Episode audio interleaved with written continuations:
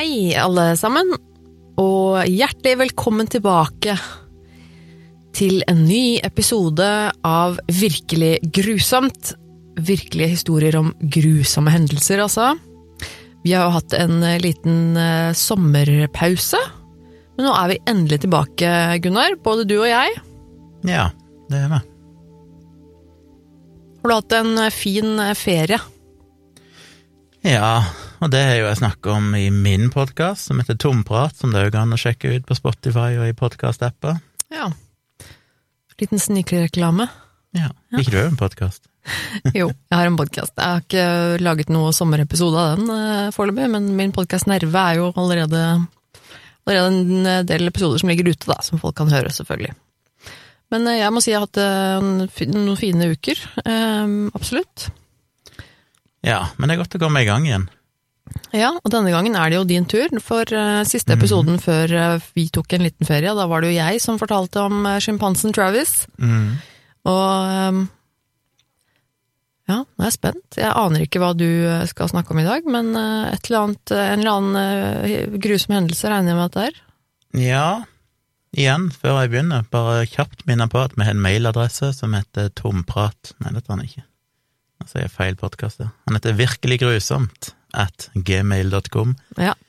Og Der kan dere sende inn tips, tilbakemeldinger. Vi har fått mange tips til historier. Vi har de liggende i arkivet, og mange av de vil nok bli brukt etter hvert.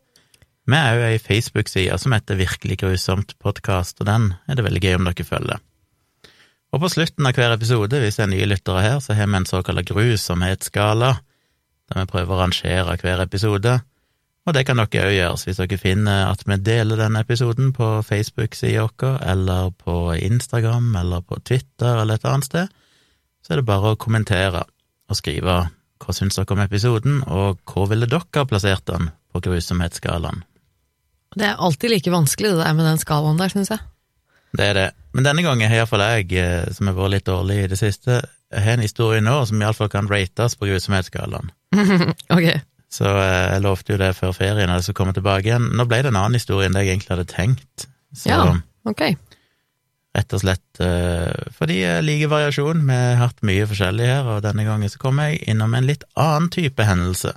Ja, kult. Og da skal vi til Russland i 2002. Aha.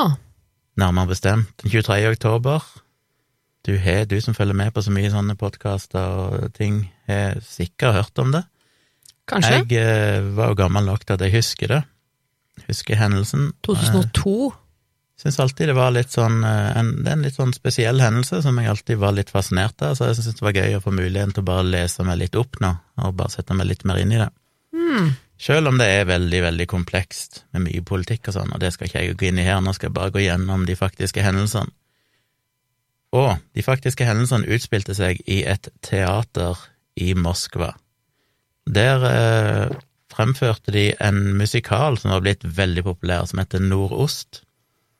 Og den, eh, det var liksom den første kanskje sånn russiske musikalen som brukte elementer i, som en tidligere hadde sett fra Broadway og West End og sånn. Så det var en, en musikal som en håpet en kunne få eksportert til andre land og sånn. Veldig, veldig populær musikal, og det var fulle hus av det, helt utsolgt. Hmm. Jeg vil tippe den teatersalen er kanskje litt sånn som Folketeater i Oslo, jeg vet ikke, men det er rundt en tusen publikummere ser det ut til å ha plass til. Ok, ja. Eh, med en nedre del og en sånn eh, øvre del, hva det heter det igjen? Balkong? Balkong eller galleri? Nei. Ja. ja. Og jeg lenker jo til det i shownotes for de som har lyst til å se mer, men det finnes jo en del videoklipp og sånn av hendelsen, så det går an å sjekke ut hvordan ting eh, så ut i virkeligheten. Men Litt ute i andre akt, som var altså litt etter klokka ni på kvelden i denne musikalen, så kjører det plutselig en buss opp foran teateret, og rundt 40–50 maskerte menn og kvinner hopper ut, springer inn i foajeen på teateret og skyter med våpen i lufta. Inne i teateret så var det regna rundt 850–900 publikummere og skuespillere, og plutselig så ser de bare en fyr komme opp på scenen og fyre av et våpen. Folk ble jo naturlig redde. Noen var ganske rolige, overraskende nok, andre ble helt hysteriske, noen besvimte visstnok av frykt. Og selvfølgelig ble jo da musikalen eh, avbrutt ganske så brått. Backstage så var det noen skuespillere som satt og slappa av, og da de hørte at ting begynte å skje, og hørte skudd og sånn, så var det en del av de som klarte å rømme ut gjennom et åpent vindu og ringte politiet. Og totalt sett så skal det visst ha vært rundt 90 personer som klarte å rømme, eller i det minste gjemme seg, helt sånn innledningsvis idet dette skjedde. Mm. Lederen for denne terrorgruppa, eller hva du skal kalle det, er en som heter Movsar Barajev, en 24 år gammel uh, tsjetsjener. Mm. Han sa at han var leder for en selvmordsbataljon som kalte seg Den 29. divisjon. Da. Og de hadde ingen, uh, ingen bitterhet, ingen sinne, ingen uh, motstand mot utlendinger. Og det var en del utlendinger i salen, det var rundt 75 stykk, som var fra Australia, Tyskland, Nederland, Ukraina, Storbritannia, USA og litt andre land. Så de sa det tidlig, at de ville slippe løs alle utlendinger som kunne vise et utenlandsk pass. Jaha. Men han trua med å drepe alle gislene hvis ikke russiske styrker umiddelbart og betingelsesløst trakk seg ut av Tsjetsjenia. For på dette tidspunktet, det er jo vært fram og tilbake med Russland og Tsjetsjenia, men på det tidspunktet så var Russland igjen inne i Tsjetsjenia, okkuperte Tsjetsjenia, og det var krigføring og masse piss. Så terroristene ga russiske myndigheter ei uke på seg og sa at hvis ikke de hadde trukket ut russiske styrker fra Tsjetsjenia da, så ville de begynne å drepe gisler. Media fikk òg tak i et videoopptak der terroristene, vet ikke om det var han lederen sjøl eller en eller annen av de, kom med en uttalelse, og den er, høres sånn ut. Alle nasjoner har rett til deres egen skjebne. Russland har tatt denne rett fra tsjetsjenerne, og i dag vil vi kreve tilbake de rettigheter som Allah har gitt oss, på samme vis som han har gitt alle andre nasjoner. Allah har gitt oss retten til frihet og retten til å selv velge vår skjebne. De russiske okkupantene har oversvømmet vårt land med våre barns blod, og vi har lenge lengtet etter en rettferdig løsning. Folk er ikke vitende om de uskyldige som dør i Tsjetsjenia, sjeikene, kvinnene, barna og de svake. Derfor har vi valgt denne fremgangsmåte. Denne fremgangsmåte er for det tsjetsjenske folks frihet. Det gjør ingen forskjell hvor vi dør, og derfor har vi besluttet at det skal være her i Moskva, og vi vil ta med oss hundrevis av syndere i døden. Hvis vi dør, vil andre komme og følge oss, våre brødre og søstre som er villige til å ofre deres liv etter Allahs forskrifter for å frigjøre deres nasjon. Våre nasjonalister er døde, men folk har sagt at de, nasjonalistene, er terrorister og kriminelle, men sannheten er at Russland er den sanne kriminelle. Ja, ok. Det er jo Ja, okay. ja vel, ok. Tsjetsjenia består jo primært av muslimer, så derfor Det, det er litt eh, morsomt, holdt jeg på å si, at du sier, fordi det har jeg egentlig aldri tenkt på. Nei, At det er eh, Er, er det liksom ho... Um, er det, ja, er, det, liksom- er det det som er hovedreligionen, holdt jeg på å si, den, i, i jeg vil anta det, siden jeg jeg skjønte sånn Ja, det at de fleste er muslimer, så Det, må, det er lite, lite kunnskap i dette hodet om, om de landene som ligger i de traktene der. Det er Ja, litt det er eh, jo flaut, sjokkerende egentlig. dårlig kunnskap om alle sånne tidligere sovjetstater. Ja, det er dårlig, ass. Det må jeg si. Men eh, da de tok seg inn på dette teatret og sånn, de eh, skjøt skudd Men altså, ingen som ble skadet eller, eller døde Nei, det her? Nei, det var bare? Varselskudd Ok, så, så, så det er ingen foreløpig som har dødd? Nei. Nei. Selv om jeg kommer litt tilbake til kronologien her eh, om en liten Ja. stund. Ok, okay. ok. Så det var kravene fra disse terroristene. Men de fikk jo, et, på et eller annet tidspunkt, så fikk de vel tilbakemelding om at det var helt urealistisk å trekke ut styrkene på så kort tid, for det, det ville være en lang, dryg prosess. Var det en uke du fikk? Ja, de fikk ei uke på Ja. seg. Så da krevde de istedenfor at, eh, eller i det minste, at russiske At de skulle De ville se at russiske styrker et eller annet sted i Tsjetsjenia ble iallfall trukket ut, og at Mm. all bruk av våpen og vold og sånn skulle stoppe neste dag. Eh, Russerne måtte også stoppe en del sånne spesielle militære operasjoner i Tsjetsjenia, og ikke minst så måtte jo Russlands president Vladimir Putin offentlig erklære at han skulle gjøre sitt ytterste for å stoppe krigen i Tsjetsjenia. Mm. Så det var på en måte de nye kravene. Fascinerende nok så fikk jo Det var ikke noe forbud mot å bruke mobiltelefoner og sånn, så under hele denne seansen så kunne gislene ringe familie og venner sånn fritt. Ja. Dette var i 2002, så det var ikke noe iPhone og sånn med 4K-videokamera og sånn, men de hadde jo sin mobiltelefon, så de kunne iallfall ringe. Og der fortalte jo mange at uh, de terroristene hadde granater, miner og eksplosiver festet til kroppen, at det òg var lagt ut eksplosiver rundt i hele teateret rundt forbi. Mm. De brukte òg arabiske navn på hverandre, og damene av disse terroristene hadde på seg nikab. Ja, for det var det, damer og menn, ja. Det var Ja. det du sa på Det kan jeg jo se på videoen, for det er masse videoopptak. Det var et eller annet TV Jeg vet ikke om de filma den teaterforestillingen eller noe sånt, for det er liksom TV-kamera der inne som driver og filmer, så det er lange klipp, klipp ja. der du kan se gisselsituasjonen og se disse terroristene gå rundt, og se disse damene i nikab sitte der med pistol i hånda. Yes. Ganske fascinerende. Ja, og bare det at det er damer med på en sånn terrorkapring, da, eller hva man skal kalle det, er jo veldig spesielt. Det er jo ofte ikke, ikke sånn at eh, kvinner er med på en sånn eh, Ja. terrorhandling. Både òg, det har vel vært eh, I de der store, kjente sakene i nyere tid, så er det vel muligens bare, eller primært, vært menn, men det har jo vært en del sånne flykapringer og hendelser tidligere òg, der Ja. det var kvinner involvert, så Hm. det er ikke helt, eh, helt utenkelig, det. Nei. Lederen for tsjetsjenske muslimer i Tsjetsjenia, de fordømte jo dette angrepet på sivile og tok avstand fra det. Eh, Gislene ble jo holdt fanga i teatersalen, så alle ble, de måtte sitte i selve salen, og de måtte bruke orkestergraven som toalett. Og det er en sånn fascinerende videoklipp òg, der du bare ser en sånn lang kø foran orkestergraven, og du ser de står én og én og hopper over en sånn liten vegg, og så tydeligvis gjør sitt fornødne der bak og kommer ut igjen. Det er vondt å se på, for det er liksom vanlige mennesker kledd i finstasen sin og i alle aldre, liksom, Ja. og ganske ydmykende.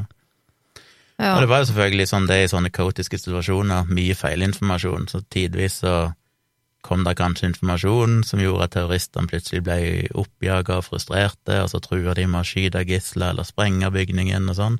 Mm. Men det skjedde aldri noen ting av sånn dramatisk art i løpet av denne hendelsen.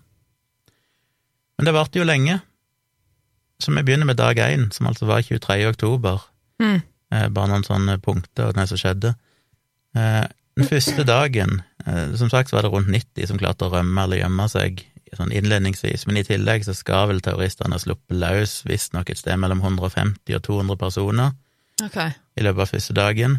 Men da Det var ja, primært barn, gravide kvinner, muslimer, noen utlendinger og noen folk som trengte medisinsk hjelp. Ok, men da har de fortsatt ganske mange gisler, da. For da var Ja, det nesten fortsatt 1000 mennesker. Nesten 700-800 mennesker der inne. Ja, ikke sant. Ja. Det er mange.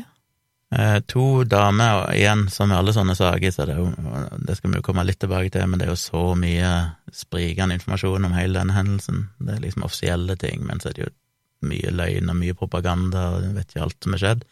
Ja. Men iallfall to kvinner klarte å rømme på det tidspunktet første dagen. Ei av de ble skutt i magen, tror jeg, mens hun prøvde å rømme, men hun overlevde.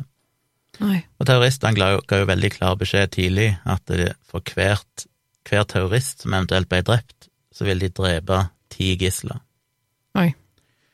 Og så skjedde det en veldig sånn rar hendelse på natta.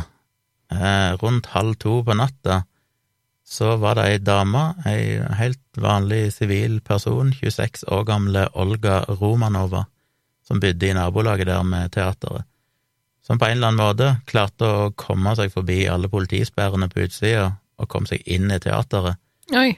Bare for å begynne å rope til gislene at hei, dere må stå opp mot terroristene. What? Og folk ble jo forvirra, og terroristene trodde jo at hun var en del av de russiske sikkerhetsstyrkene, så bare i løpet av noen få sekunder så ble hun skutt og drept. Nei. Og det er ingen som vet egentlig greia etterpå, hvorfor hun gjorde det, liksom. Men Hva i all verden? tydelig at hun Det var det hun, hun, hun skulle ikke redde dem eller hjelpe, hun skulle bare skrike at dere må stå opp mot terroristene? Ja, jeg følte jeg kald for å gå inn og Jøss, protestere mot det som skjedde.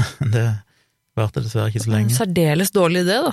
Ja, veldig, veldig merkelig tankegang, så gudene vet om hun var helt frisk, eller hva som var lå bak, men det skjedde nå iallfall. Dag to, 24. oktober, da kom jo russiske myndigheter på banen og tilbød terroristene for første gang, og det skal de gjøre flere ganger, egentlig, Eh, De ga dem muligheten til å overgi seg, og de kunne få lov å rømme til et hvilket som helst land, annet enn Russland eller Tsjetsjenia, hvis de slapp alle gislene fri uten at de hadde skada dem på noe vis. Det skjedde jo følgelig ikke. Eh, Så kom gislene òg med en appell, og det kan jo være at det ble gjort under trusler og press fra terroristene, men de kom òg med en appell om at Putin måtte slutte all krigføring i Tsjetsjenia, og de ba òg innstendig om at han ikke skulle angripe teaterbygningen, at de ikke skulle sende inn noen styrker. Ja. Så ba terroristene om å få prate med en fyr som heter Josef Kobson, som er et, eller var et regjeringsmedlem, en russisk regjeringsmedlem, men òg en kjent sanger, så vidt jeg har skjønt. En veldig, veldig sånn populær fyr i Russland. Eh, De ba jo om at det skulle komme representanter for Røde Kors, og de ville snakke med folk fra Leger uten grenser. Så denne her eh, Kobson, denne regjeringsmedlemmet og sangeren, han Sånn i ettertid så har jo han fått eh, Han ble veldig populær i ettertid, for han var jo modig og gjorde dette. Han gikk faktisk inn i bygningen sammen med tre andre rundt klokka 13.20 ettermiddagen. Og ikke så veldig lenge etterpå så kom det ut en mann i 60-årene som så veldig sånn forvirra og sjuk ut. Han ble senere identifisert som en britisk statsborger, så tydelig at de da hadde sluppet han løs. Og litt seinere så kom det ei dame og tre barn ut.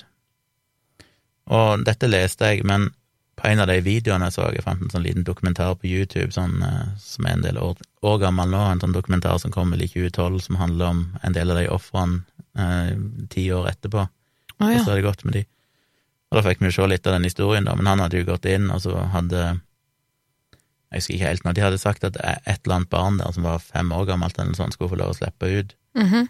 Men hun hadde med seg søstera si som var ni år, så mora hadde sagt liksom hvis du slipper ut den ene, så må du jo slippe ut den andre òg. Mm. Og så hadde de for så vidt gått med på det, og dette finnes jo videoopptak av, for de filmer faktisk det inne i salen, Oi. der du ser at eh, mora da med en sprittusj skriver telefonnummer på armene deres til slektninger og sier når du kommer ut, så må dere ringe disse numrene her. Men så var det jo sånn Josef Kobson som da klarte å overtale terroristene til at shit, dere må jo slippe løs mora òg, det er ikke noe vits i å slippe ut bare jentene hvis ikke mora får være med. Ja. Og så gikk de faktisk med på det.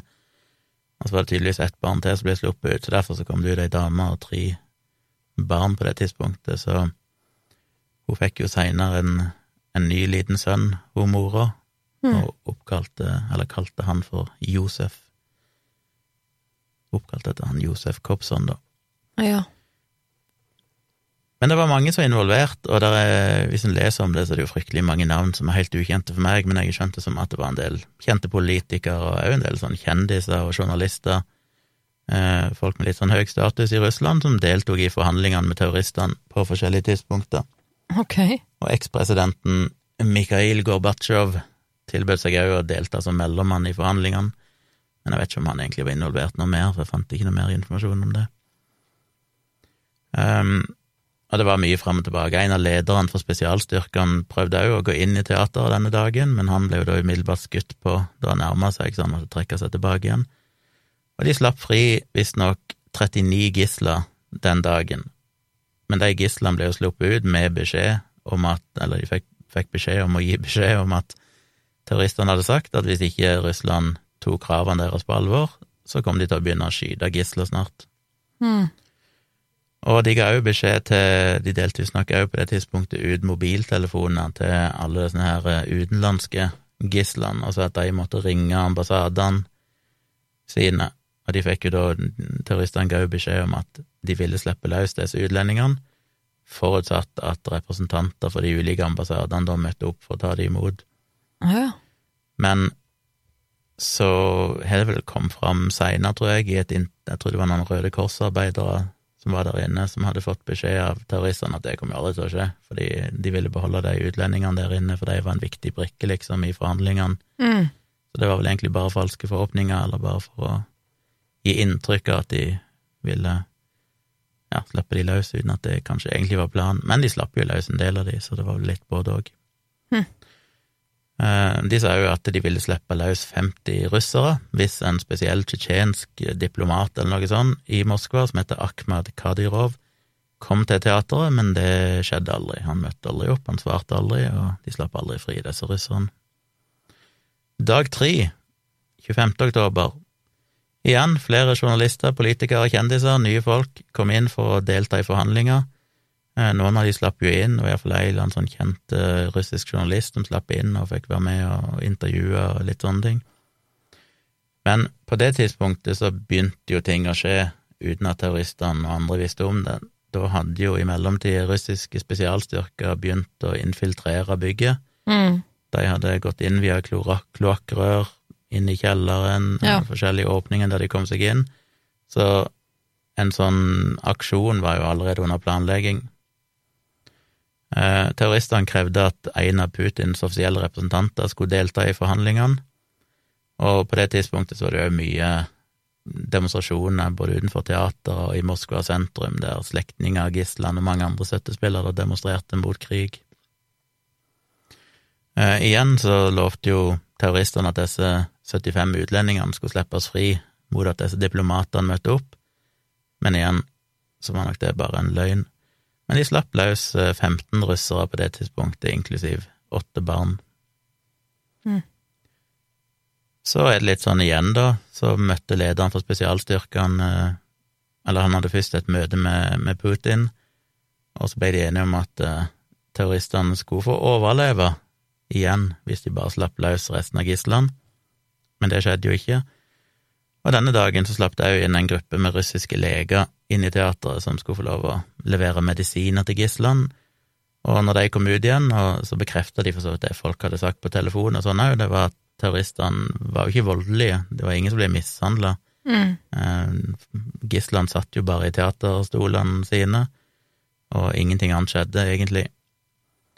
Um, holdt jeg på å si om jeg hoppet over noe, men uh, må se. På det tidspunktet så slapp vel Røde Kors inn på nytt igjen med varm mat og varme klær og medisin og sånn. Og da var jo ene journalisten som var der inne, hun fikk jo da spilt inn et intervju med lederen, Movsar Barajek, der han sendte en melding til russiske myndigheter, og den leser jeg på engelsk. We have nothing to lose. We have already covered 2000 kilometers by coming here. There is no way back. We have come to die. Our motto is freedom and paradise. We already have freedom as we've come to Moscow. Now we want to be in paradise. Men han understrekte jo òg at de hadde jo ikke det hensikt, de hadde ikke kommet til Moskva fordi de ville drepe gisler eller kjempe mot russiske elitestyrker. For de var lei, de var fed up av å slåss, de var lei av krig og vold. Eh, eneste de ønska, var å få en slutt på krigen i Tsjetsjenia. Hm. Og så skjedde det en rar hendelse igjen eh, denne tredje dagen. Da kom det plutselig en mann springende over plassen foran teateret, og klarte å komme seg inn i teateret forbi politistyrkene. Han er senere identifisert som en som heter Gennadij Vlak. Okay. Han eh, skulle visst ha sagt at sønnen var blant gislene, så han var desperat etter å komme seg inn. Ja. Men det så ikke ut til å stemme. Jeg tror ikke sønnen, eh, ut ifra det jeg har skjønt, eh, faktisk var der inne. Eh, Men han kom seg inn, men han ble jo tatt av terroristene og senere henrettet av dem. Oi da. Eh, rundt midnatt denne natta så ble det løsna nye skudd da en, en av gislene, den 30 år gamle Dennis Gribkov, plutselig storma over stolryggene, begynte å springe på toppen av stolryggene i teatersalen mot noen av de kvinnelige terroristene som satt og passa på noen, eller satt ved sida av noen sånne eksplosiver. Oi. Og en av terroristene skjøt mot han, men bomma, men så var det liksom splinta eller rikosjerende kule, endte opp med å skade ei dame og drepte ei annen dame, et annet gissel der inne. Oi. Og han Gripkov ble jo ført bort, og ble jo seinere funnet drept, så selv om ikke de mishandla eller var slemme, holdt jeg på å si, med, med gislene, så var de jo brutale hvis noen prøvde seg på noe, da ble de jo ganske umiddelbart henrettet. Så er vi på dag fire, den siste dagen. Og det er jo verdt å bare tenke litt over òg, dette her med å Da de var sperret inne i over tre døgn Mm. i en teatersal med ganske begrensa med vann og mat. Mm. De måtte gjort sitt fornødne offentlig, holdt opp i orkestergraven, og folk med våpen og eksplosiver og granater gjenger rundt, og de har sett folk blitt en Ganske utrivelige forhold, for å si det mildt. Um, I løpet av den natta var det en tsjetsjensk representant for presidenten til de tsjetsjenske separatistene, som hadde sendt en appell til terroristene og bedt de fra å avstå fra å gjøre noe overilt. Og tsjetsjenerne eh, hadde visst sagt til BBC på det tidspunktet at de hadde fått bekreftet at en representant for Putin skulle komme til teateret og gjennomføre forhandlinger dagen etterpå. Det var nok bare løgn eh, ifra russerne, at de kanskje hadde klart å lure dem til å tro at de fikk et av kravene sine innvilga, for de hadde jo sagt tidligere at de ville at en eller annen offisiell representant for Putin skulle komme, Mm. og det hadde de da tydeligvis fått bekrefta at skulle skje. Og så er det jo begynner jo den psykologiske krigføringa, for her er det mye desinformasjon og fram og tilbake, men den offisielle versjonen er jo at i løpet av natta så blei, eh, sånn utpå tidlig på morgenen, kanskje sånn rundt i femtida, så blei to kvinnelige gisler henretta inne i teatersalen, og derfor så hadde de ikke noe valg lenger, de måtte storme bygningen. I realiteten, når du ser på tidspunktene her, så ser ikke det ut til å stemme, eh, og det russeren hadde på en eller annen måte lekka informasjon Det går jo òg rykter om at terroristene hadde tsjetsjenske samarbeidspartnere på utsida, som som gikk blant politiet og publikum og egentlig plukka opp informasjon og formidla det videre, Aha. sånn at de skulle vite hva politiet gjorde og sånn, som det skjedde den veien, eller på annen måte, eller om de bare ga de ja, På en eller annen måte så lekka de informasjon om at de skulle storme teateret klokka tre på natta. Okay. Og det førte jo selvfølgelig til at terroristene ble temmelig stressa. Eh, og så ble vel sannsynligvis etter det så ble disse gislene henretta. Selv om russerne i ettertid sa at det var på grunn av at gislene ble henretta at de hadde storma teateret. Men det kom jo fram seinere at de hadde allerede lekka informasjon om at de skulle storme teateret allerede før disse gislene egentlig ble henretta. Så for det som vi vil se etter hvert, er jo at russerne i den offisielle historien etterpå hele tida har prøvd å få det fram til at de gjorde bare det de måtte gjøre. Mm. Det var jo terroristene sin feil, alt sammen. Ja, selvfølgelig vil jo de at det skal Ja. se sånn ut. Men uh, de storma jo ikke teateret klokka tre, og det var en del av planen. De lekka informasjon om at de skulle storme klokka tre, sånn at terroristene ble stressa, men planen var da rent sånn psykologisk at eh, når det ikke skjedde, så ville terroristene senke skuldrene og slappe av og tenke ok, da kan vi roe ned, og så slår de til. Ja. Så de Så klokka fem om morgenen så ble plutselig alle lyskasterne som lyste opp inngangen til teatersalen, ble plutselig slått av. Og så begynte jo, dette er jo den greia som liksom gjør at jeg husker dette, og som var delvis et mysterium fortsatt, så begynte jo russiske styrker å pumpe inn en gass i teaterbygningen. Å ja. Er litt uklart om det ble gjort gjennom ventilasjonssystemet, eller om de eh, fikk slått et hull i en vegg et eller annet sted. Og det er jo den dag i dag uklart hvorfor en gass det var.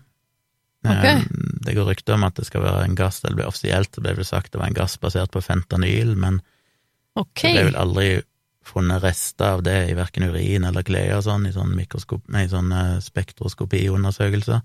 De har derimot funnet noen andre varianter som de mener det kan ha vært og sånn, men det var litt uklart. Så det brøt ut panikk i eh, teatersalen når plutselig gislene òg merka at oi, her kommer det en gass inn i, i rommet. Og der inne så var det jo en russisk journalist som var gissel, som så vidt jeg har skjønt, satt live og formidla dette på radio eller TV eller sånt, sikkert via mobiltelefonen, og hun sa mens det skjedde, It seems to us that the Russians have started something. Please give us a chance. If you can do anything, please do. I don't know which gas it is, but I see the Chechens' reactions. They don't want our deaths, and our officials want none of us to leave alive. I don't know. We see it, we feel it, we are breathing through our clothes. It began from outside. That's what our government has decided, that no one should leave from here alive. Ok, Så de trodde jo at det var noe farlig, da? Ja, Altså De var sikre på at nå kom alle til å dø, liksom? ja så det hadde tydeligvis ikke så mye eh, tiltro til, til russiske myndigheter. Tenkte at de bryr seg ingenting om alle bare blir drept her. Og da ble jo terroristene selvfølgelig eh, frustrerte, stressa, og noen av de hadde visstnok gassmaske på seg, eller tok på seg gassmaske, og begynte som reaksjon å skyte vilt mot russiske styrker på utsida. Så de russiske styrkene venta i ca. en halvtime til de forventa at nå hadde gassen virka, og da gikk der styrker ifra Spetnas og andre sånne russiske spesialstyrker til angrep og storma inn i teateret. Terroristene ga beskjed til gislene at de skulle lene seg framover i stolene og gjemme hodet bak seteryggene eh, mens kulene fløy mellom veggene. Og så begynte jo folk etter hvert å sovne av denne gassen.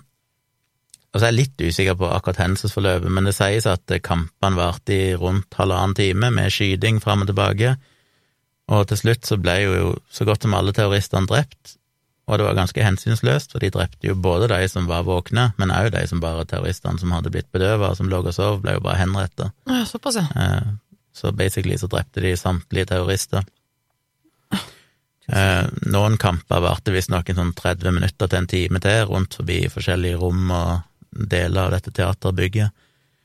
Og det ble jo sagt at tre terrorister skal ha blitt tatt til fange levende, men noen sier at to av de klarte å rømme, så har vel ja, noen eh, påsto det, mens andre senere sier at alle tre ble henretta av russeren umiddelbart, selv om de på en måte overga seg eller ble tatt levende.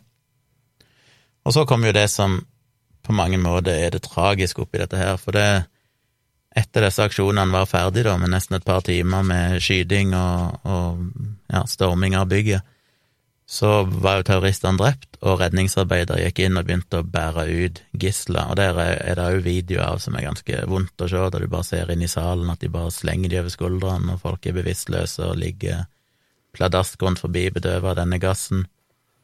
De ble båret ut, og du kan òg se videoer av det, da, at de blir lagt på utsida, både i foajeen og på fortauet utenfor teatersalen, så de, kommer de bare bærende med de og legger de ned på ryggen på rekke og rad.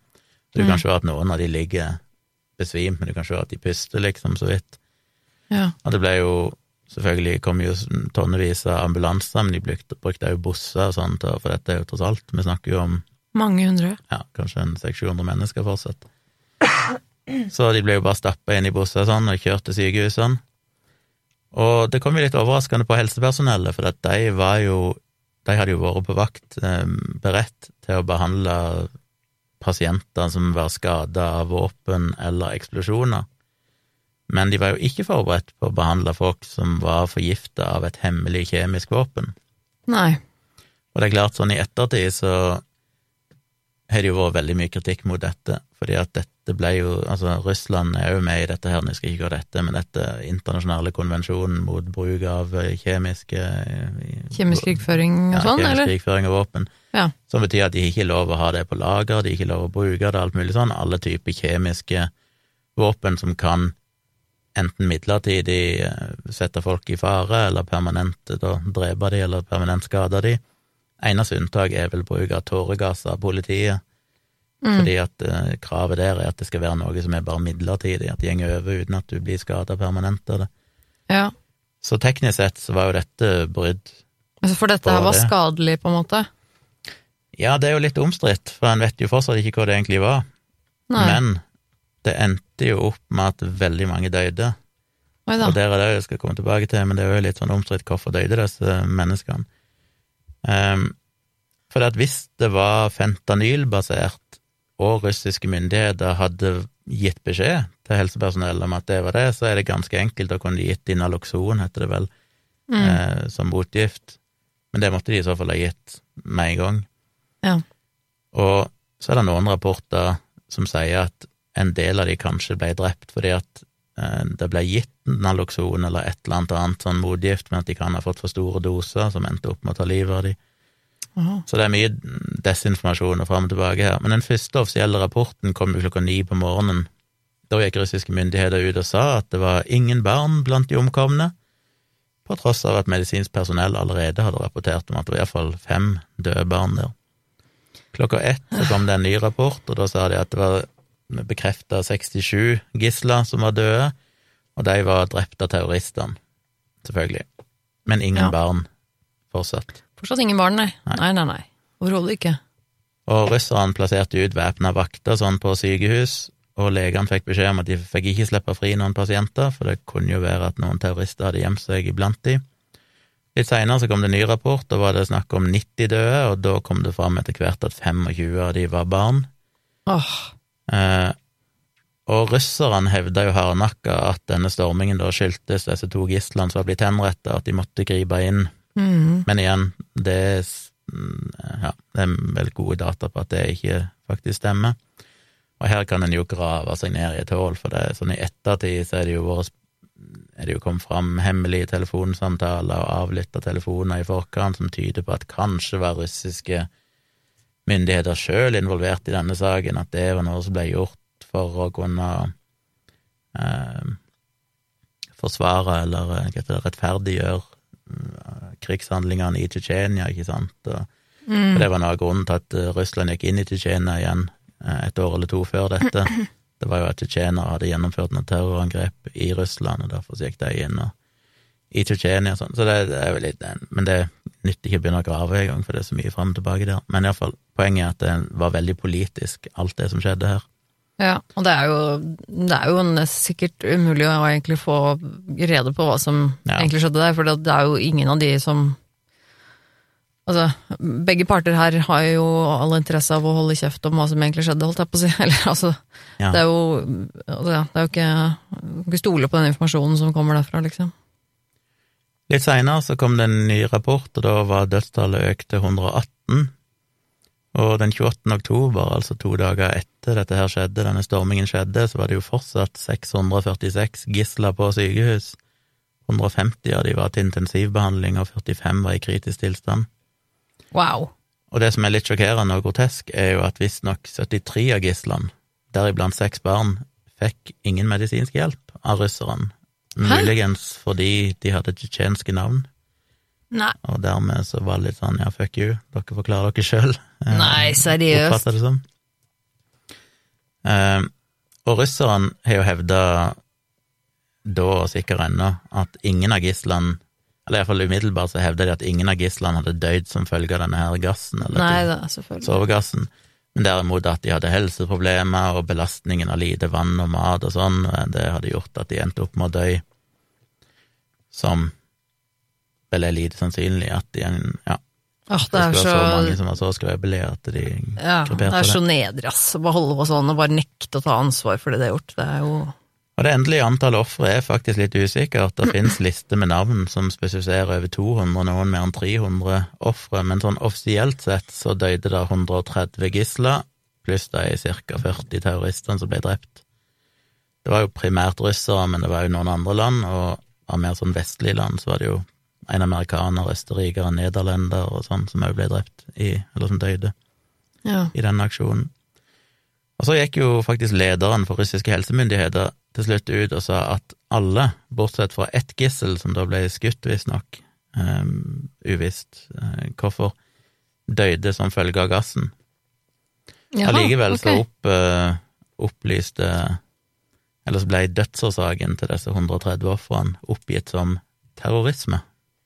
Og at de døde av hjerteinfarkt eller andre helseproblemer. Ja, nettopp, ja. Ok.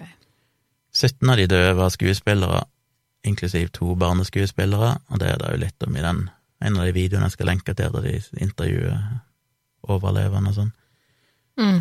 Så totalt sett så var det rundt 700 overlevende gisler der inne som alle ble forgifta av denne gassen, og mange av de endte opp med å få alvorlig varige men, Oi. og det har vært rettssaker og klage inn til menneskerettighetsdomstolen og sånn, og Russland eller Moskva fikk vel pålegg om å betale ut ganske mange millioner i erstatninger rundt her og der og sånn. Vet du noe om hva slags uh, varige men de fikk? Nei.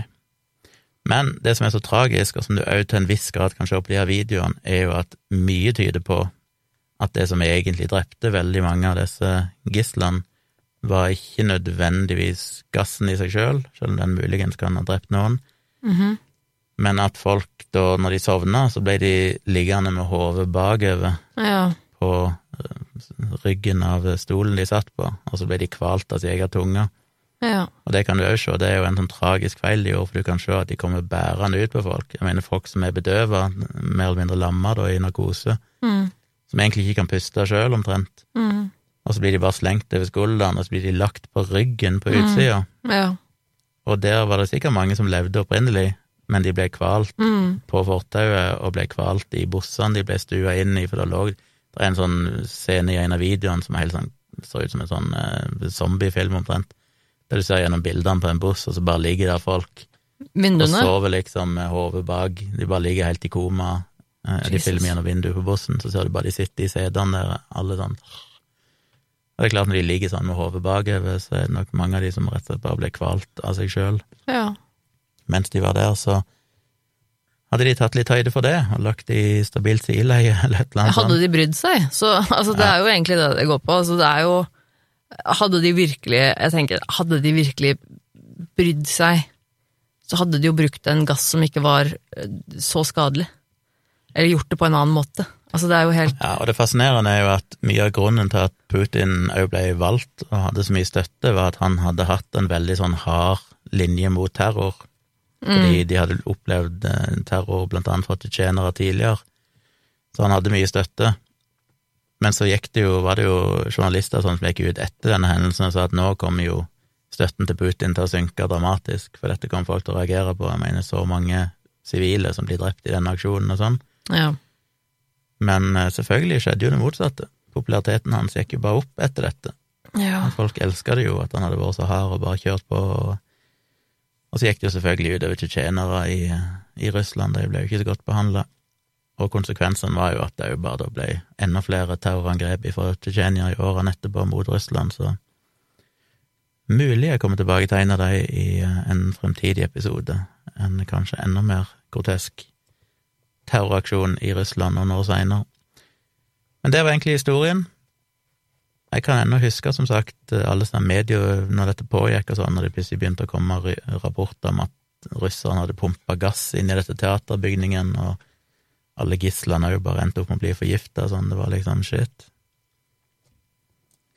Ja, Det er jo helt drøyt. Men jeg tenker jo, jeg tenker jo det at det, er, det er jo det, det, Dette hadde Dette kunne gått så mye bedre. Det er det som er vanskelig å vite, for la ikke si de hadde venta og eller på en eller annen måte storma bygningen uten den gassen, da, så er det jo selvfølgelig uvisst hvor mange Ja. terroristene hadde klart å drepe før de ble ja, drept sjøl. Så det er jo selvfølgelig umulig å vite, men på en måte så er det jo Men jeg skulle jo tro at hvis, hvis det var sånn da, at politiet eller, og måte politistyrkene klarte å ta seg inn i bygget, at det skulle vært mulig å ha snipere et eller annet sted på, altså oppe i galleriet der, eller et eller annet sted, som på en måte da hadde klart å ta ut de folka her, som er liksom eh, terroristene, da. mm. Eh, en eller annen metode. Nå, nå vet jo ikke jeg så fryktelig er mye om hvordan, hvordan Jeg tror ikke det var så lett å komme seg inn der, det er en ganske sånn lukka sal, så det Ja, ja, det, det, det kan jeg skjønne. Eh, men, eh, og jeg vet jo ikke så mye om akkurat sånne type, type politiaksjoner heller, om akkurat hvordan man vurderer sånne ting, og hva man gjør, og hva som Altså, det, det vet jeg ikke så mye om. Eh, men jeg tenker jo at i det minste, da, at man kunne brukt en annen type gass. Altså jeg mener sånn, det, altså Denne gassen her, det er jo tydelig at de menneskene som, ble, som pusta inn den gassen her, de, de ble jo Det har tydeligvis slått ut for ganske lenge. Altså i ganske lang tid. Ja, det er vanskelig å vite hvilken gass de kunne ha brukt, for uansett hvilken gass de hadde brukt, så måtte det jo være til hensikt å bedøve folk, og hvis Ja. det var den kvelninga som drepte mange av de, så ville jo Men det er det som også er poenget, at de hadde vel i utgangspunktet ikke trengt at folk var liksom eh, utslått så fryktelig lenge.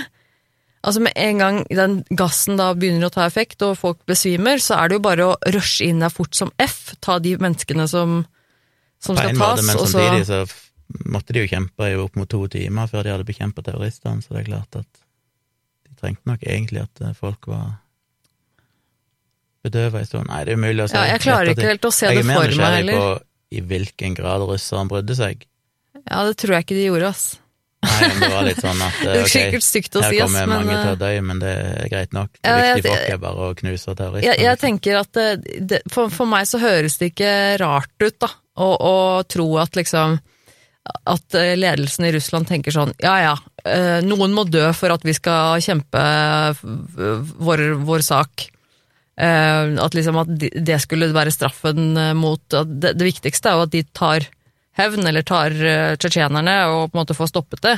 Om noen russere dør i, i den handlingen, ja, ja, ja, men da får vi det minste Da vinner vi, i det minste den. Altså, jeg tenker at det, det hadde ikke vært rart for meg om, eh, om russiske myndigheter hadde tenkt sånn pytt. Nei, og så er det viktig å huske på at uansett hvor mye en kan fordømme enhver form for terrorisme, så er det jo mye rett i det han sa, han lederen for terroristene. han mener på det tidspunktet når, når de da eh, gjennomførte denne aksjonen, så drepte jo russeren shitload med tsjetsjenere, sivile tsjetsjenere hver eneste dag, liksom. Mm. Ble jo drept og Så det er klart at eh, til sammenligning så var jo dette Jeg mener, tsjetsjen-terroristene sjøl her drepte jo ikke mange mennesker, de drepte en håndfull, kanskje, mennesker totalt Mm. sett. Resten var det jo egentlig russeren sjøl som Ja, det er ganske drøyt. Så Men, jeg- jeg syns jo at det, i utgangspunktet at det er en eh, litt sånn rar ting å gjøre. Altså med disse tsjetsjenske terroristene, da, som, eh, som har, bare har bestemt seg for at vi Nå gidder ikke vi mer, nå er vi lei av livet og vil bare dø. Og så nå drar vi til Russland, og så eh, kaprer vi noen eh, uskyldige mennesker som gisler der, og så bare ser vi hvordan det går, på en måte. Istedenfor å faktisk Altså jeg vet ikke, jeg, jeg føler liksom at det er ikke det ganske naivt å tro at det skal funke på Russland? Jeg tenker sånn, er det ikke bedre faktisk da, hvis, du, hvis du først har bestemt deg for å dø, da, altså, og det, dette er liksom suicide mission, ok, så gjør det i, i, i, i krigen, da, der hvor du på en måte har muligheten til å gjøre noe, eller jeg vet ikke, jeg, jeg aner ikke, men jeg, jeg tenker bare at jeg synes det var liksom en litt sånn rar ting å gjøre. på en måte, Men, vil jeg eh, klart du kommer jo lenger med hvis du klarer å stoppe hele invasjonen av landet ditt gjennom en sånn Ja, handling, sammenligna med å kanskje klare å drepe noen russere i en krig Selvfølgelig, i. Men- jeg skjønner jo det, men jeg jo- skjønner ikke at de faktisk på et eller annet tidspunkt har trodd at det skulle vært mulig å få til. Nei, og det gjelder jo alle terrorister. Jeg mener alle terroraksjoner som er våre, så ender jo alle terroristene opp med å bli drept. Men det er de fullstendig klar over òg, så det er, jo, det er jo bare for å markere et standpunkt. Det er vel ikke så Selv om de Ja. kanskje har et lite håp om at dette faktisk kan nå fram, så virker det som at de fleste terrorister er inderlig klar over at dette her kommer jo egentlig ikke til å lykkes. De kommer ikke til å oppnå noe med det, men hensikten med terror er jo å spre frykt og markere et politisk ja, standpunkt. ja, ja, jeg skjønner det. Altså, men det var så rart, på en måte, den eh, måten de terroristene da oppførte seg i forhold til de gislene og, og folk, Ja. at de på en måte da de- for- Fordi de, de gjorde jo ingenting, holdt jeg på å si. Altså sånn det, det, frem til det begynte å skje ting, så hørtes det ut som et eh, litt eh, Altså eh, sånn strengt kakeparty hvor du bare kom inn hvis du var sto på lista. Altså det er sånn det, altså, så- Misforstå meg rett nå, altså, men Ja, men de Men første dagen skjedde det jo egentlig ingenting. Nei, og da rett, og- var det jo Og jeg tenker sånn, jeg prøver å se det for meg i hodet mitt også. Eh, At selvfølgelig var jo det sikkert kjempeskummelt for de menneskene som var der inne, men jeg tenker det, det var jo så mange mennesker. Det var jo flere hundre mennesker som satt der inne. Og Mm. hvor mange var det av terroristene, sa du? Hvor mange var det? De vet vel ikke sikkert, men Cirka? 40-50 cirka. Ja, ok. Ja, jeg ser bare jeg, Av en eller annen grunn så høres det på en måte ikke så Det høres ikke så skummelt ut når det på en måte er så mange sivile der som er sammen, og det på en måte er en hel crowd.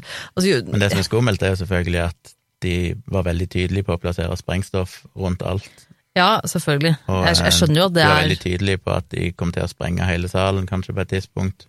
Men det må jeg jo nevne, at det viser seg jo ettertid at stort sett alt det sprengstoffet og sånn var jo bare fake. Det var ingenting av det som egentlig Skjønner ikke hva de sprengstoff. dreiv med, de folka. Jeg syns de terroristene her også var veldig, veldig Det var noen spake terrorister, hvis det er lov å si. Ja, altså jeg, jeg kjenner ikke bakgrunnen. Det er sikkert noen lyttere kanskje som er mer inne i den enn meg og kjenner litt mer til hvem det er her var. For meg høres jo bare litt sånn ut som at dette var en gjeng Siden det var både kvinner og menn og litt forskjellig alder, sånn at det, det virker kanskje som en gjeng relativt desperate mennesker som Mm. kanskje Jeg mener, dette kan jo være folk som har sett sin egen familie bli drept av russere i hjemlandet og alt mulig, Ja. og, og til slutt så er det sånn fuck it, vi Bare gjør noe. Vi bare prøver noe, og og hvis så i er det tillegg siste da er, er er, devoted uh, muslimer som er overbevist om at de havner i paradis etterpå, så er det klart Ja, nei, jeg skjønner jo det. Jeg, jeg ser jo den, liksom, men jeg bare føler at her er det jo en, bare en gjeng med tapere. Altså sånn, Ja. Både terroristene og myndighetene i Russland her. Eh, de, de, altså Selvfølgelig med unntak av de uskyldige menneskene her, da, men altså, alle er jo bare tapere. Det her er jo bare en gjeng med idioter. Eh, det føles jo helt sånn her eh, surrealistisk, hele opplegget her, syns jeg. da. Jeg vet ikke hvem jeg syns er mest teit av terroristene eller myndighetene i situasjonen her. Nei, det er jo ikke er mange merkelig Jeg mener, det finnes jo bare Jeg holdt på å si det en av de få sånn vellykka terroraksjonene som er gjennomført, er vel 9-11, holdt jeg på å si, der noen faktisk sa at dette skal vi gjøre, og det gjorde de, og det lykkes de med. 100 Ja. egentlig. Nesten 100 Ja, Relativt få liv som gikk tapt av terroristene, og de som kunne disse få terroristene Ja, det var døde. få antall terrorister som klarte Mm. å ta livet av veldig, mange mennesker. dø, og det var hele poenget, Mm. liksom. Det var Ja. de var ute etter. Det er jo en helt fantastisk Ja, eh, om du skulle gi en Oscar til en nobelpris holdt jeg på å si, til en terroraksjon, så er det jo 9-11. Ja, det var, eh, det var heftig gjennomført. Men Men så alle, i motsetning til dette her, da. I motsetning til stort sett alle andre terroraksjoner der det bare er sånn folk kommer inn, de klarer å drepe en del folk, og så blir de drept sjøl, og så Ja, men her, okay. men her drepte de jo ikke folk engang, Nei, på en måte. Altså, jo, de drepte jo noen, men det var liksom ikke sånn at de jeg vet jo aldri hvor mange de hadde drept, hvor mange de Nei. hadde vært villige til å drepe hvis det hadde gått flere dager og ikke de fikk eh, kravene sine innfridd, men eh, Men, men sy bare, det føles Hele greia føles så tafatt, og så ufattelig unødvendig og idiotisk. Og allikevel så var det jo et sjokkerende antall døde, med Ja. 170 døde totalt sett. Ja. Det helt... Det sier jo litt om russerne òg, det er jo Jeg mener, det viser jo at Putin skulle være hard, for at eh, når de da bare henretter terrorister som allerede er bedøvet av gassen og sånn, det var liksom ikke snakk om å ta noen De skal ikke straffeforfølges, nei. Da er det bare for å vise makt, at her er det no mercy. Gjør dere dette i Russland, så blir dere drept. Ferdig med det. Ja. Det er ikke noe, rett, det er ikke noe eh, rettssak eller Nei, jeg sy- syns jo Ja, jeg er ikke noe fan av det russiske regimet heller, jeg. Eh, Av hvordan de holder på der borte. Eh, Så jeg- vet ikke helt eh, Jeg kjente at eh, i dette scenarioet her så var det nesten så jeg heide på terroristene. For at, Ja, det er jo fascinerende. rett, men, det, er jo eh, veldig russisk og veldig diktatur, holdt jeg på å si, når du ser alle den der desinformasjonen i etterkant. ja, det er så typisk òg, ikke sant. Og det skal de all, frata seg alt ansvar, og nei, vi Ja. gjorde ikke noe galt, og alle som døde var Ting bare på grunn av de. løgner, som alle egentlig visste var løgn, for de hadde masse rapporter om noe annet, men russiske myndigheter står allikevel på en sånn offisiell linje om at de var uskyldige. Og, Det er bare så fjernt, ass. så ja. Nei, men Men jeg syns det er eh, vanskelig å rangere rangere. dette. Når vi skal sette dette på en grusomhetsskala, liksom, fra, fra litt grusomt på én til det grusomste jeg har hørt på ti, Ja, den er litt så sånn eh, er det litt vanskelig, for dette, dette her er For meg så blir jeg liksom sittende med åpen munn og hendene ute og bare sånn Hva i fader er det de driver med? Om han WTF-skala. Ja, en what the fuck-skala. Um, nei, vi skal ikke ha flere skalaer nå. nei, men selvfølgelig, sånn helt objektivt, så er det jo kjempe Det er jo grusomt at det er så mange mennesker som ender opp med å dø. Fange i fire dager, masse Ja, barn blir drept, og mange, altså barn og voksne som blir drept. blir drept. Og de blir drept helt unødvendig og helt Altså totalt Nei, det er Men ironisk nok bare meningsløst. fire-fem stykker av terroristene og resten av russerne sjøl, basically. Nei, det mm. Jeg tenker at jeg, jeg, jeg tenker nok en seks.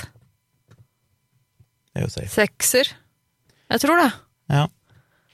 Nei, altså konsekvensene av dette må en huske på at ja, 130 cirka, muligens flere, sivile ble drept, og i tillegg så er det jo hundrevis, ser det ut til, som kanskje har fått, eller iallfall mange som ser ut til å ha fått varige men og sånn. Mm.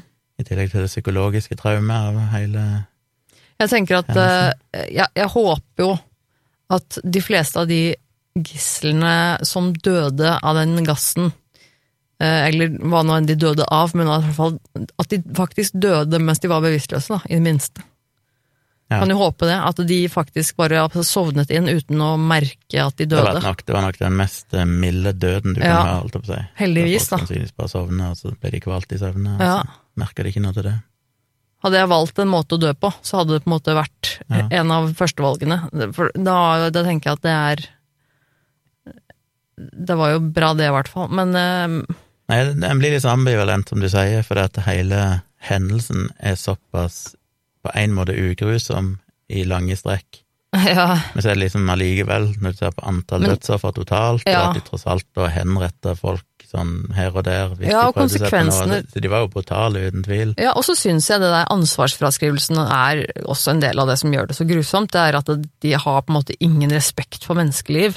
Nei, At det er ikke noe snakk om å liksom si at, at dette var vår skyld, så og så mange mennesker døde, og vise respekt for de livene. Det er liksom, det fins ikke noe respekt for de livene.